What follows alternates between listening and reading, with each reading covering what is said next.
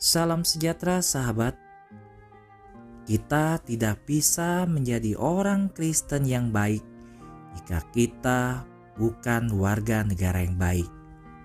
Itulah yang kita sebut kesatuan hidup, sahabatku. Selasa 1 Juni, bacaan Injil diambil dari Markus 12 ayat 13 sampai dengan 17. Kemudian disuruh beberapa orang Farisi dan Herodian kepada Yesus untuk menjerat dia dengan suatu pertanyaan. Orang-orang itu datang dan berkata kepadanya, "Guru, apakah diperbolehkan membayar pajak kepada kaisar atau tidak? Haruskah kami membayar atau tidak?" Tetapi Yesus mengetahui kemunafikan mereka, lalu berkata kepada mereka, "Mengapa kamu mencobai Aku? Bawalah kemari suatu dinar supaya kau lihat." Lalu mereka bawa, maka ia bertanya kepada mereka, "Gambar dan tulisan siapakah ini?" Jawab mereka, gambar dan tulisan kaisar. Lalu kata Yesus kepada mereka, Berikanlah kepada kaisar apa yang wajib kamu berikan kepada kaisar, dan kepada Allah apa yang wajib kau berikan kepada Allah. Mereka sangat heran mendengar dia. Sahabat, pertanyaan jebakan pintar bukan? Jika Yesus berkata, "Ya, bayar kaisar," orang Yahudi akan menganggap dia pengkhianat. Jika dia berkata, "Tidak, kamu tidak perlu melakukannya," ia akan ditangkap karena tidak taat kepada otoritas Romawi. Tapi sahabatku, Jawaban Yesus lebih pintar. Beberapa orang berpikir bahwa Yesus membagi dunia menjadi dua. Satu bagian untuk Tuhan dan satu bagian untuk kehidupan normal. Orang Farisi bertanya kepada Yesus, "Tuhan atau kaisar?" Yesus mengatakan, "Tuhan dan Kaisar." Ketika Yesus berbicara tentang cinta, Dia berkata, "Cinta Tuhan dan cinta sesama manusia." Jika Anda tidak mencintai Tuhan, Anda tidak bisa mencintai sesama dan sebaliknya juga. Jika Anda mencintai, Anda mencintai semua orang. Sama halnya dengan keadilan. Berikanlah haknya kepada Tuhan dan berikannya haknya kepada orang lain. Jika Anda adil, Anda melakukan untuk semua orang, termasuk Tuhan.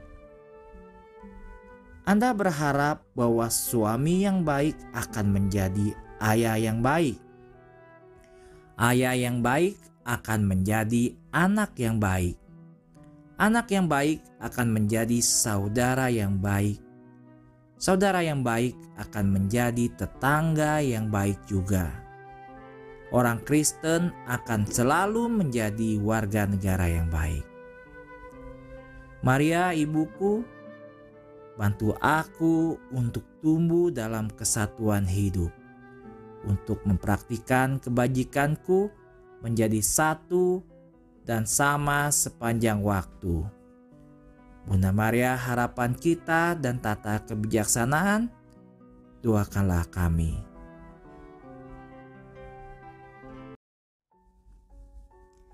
Salam sejahtera, sahabat sangatlah penting untuk meninggalkan semua yang harusnya kita tinggalkan dan melakukan apa pun untuk mendapatkan kehidupan yang kekal. Kehidupan yang kekal, sahabat. Kutipan dari Saint Jose Maria Dapatkah Anda membayangkan bagaimana rasanya tiba di sana dan bertemu Tuhan? Melihat keindahan itu, cinta yang dicurahkan ke dalam hati kita yang memuaskan tanpa menjenuhkan. Mata belum melihat atau telinga belum mendengar. Sangat bermanfaat anak-anakku sangat bermanfaat. Rabu 2 Juni, bacaan Injil diambil dari Markus 12 ayat 18 sampai dengan 27. Datanglah kepada Yesus beberapa orang Saduki yang berpendapat bahwa tidak ada kebangkitan. Dan Yesus berkata kepada mereka, juga tentang bangkitnya orang-orang mati, tidakkah kamu baca dalam kitab Musa dalam cerita tentang semak duri bagaimana bunyi firman Allah kepadanya? Akulah Allah Abraham, Allah Ishak dan Allah Yakub. Ia bukanlah Allah orang mati, melainkan Allah orang hidup. Kamu benar-benar sesat. Sahabat, orang Saduki tidak percaya akan kebangkitan, surga atau kehidupan setelah kematian. Yesus harus sangat menjelaskan kepada mereka tentang bahwa surga itu ada. Tuhan adalah Tuhan yang hidup karena semua orang yang pernah hidup di masa lalu masih ada. Hidup tanpa surga tidaklah masuk akal, sahabatku, seperti lari maraton tanpa garis finish, berlari tanpa tujuan. Saat kita berdoa syahadat, kita mengucapkan menantikan kebangkitan orang mati dan kehidupan dunia yang akan datang. Karena kita diciptakan untuk itu sahabatku.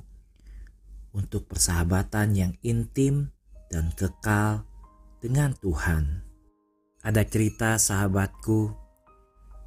Saint Justin adalah seorang filsafat yang sangat pintar yang menemukan iman Kristen dan setelah itu dia meninggalkan segalanya untuk memberikan kecerdasan dan bakatnya melayani Kristus.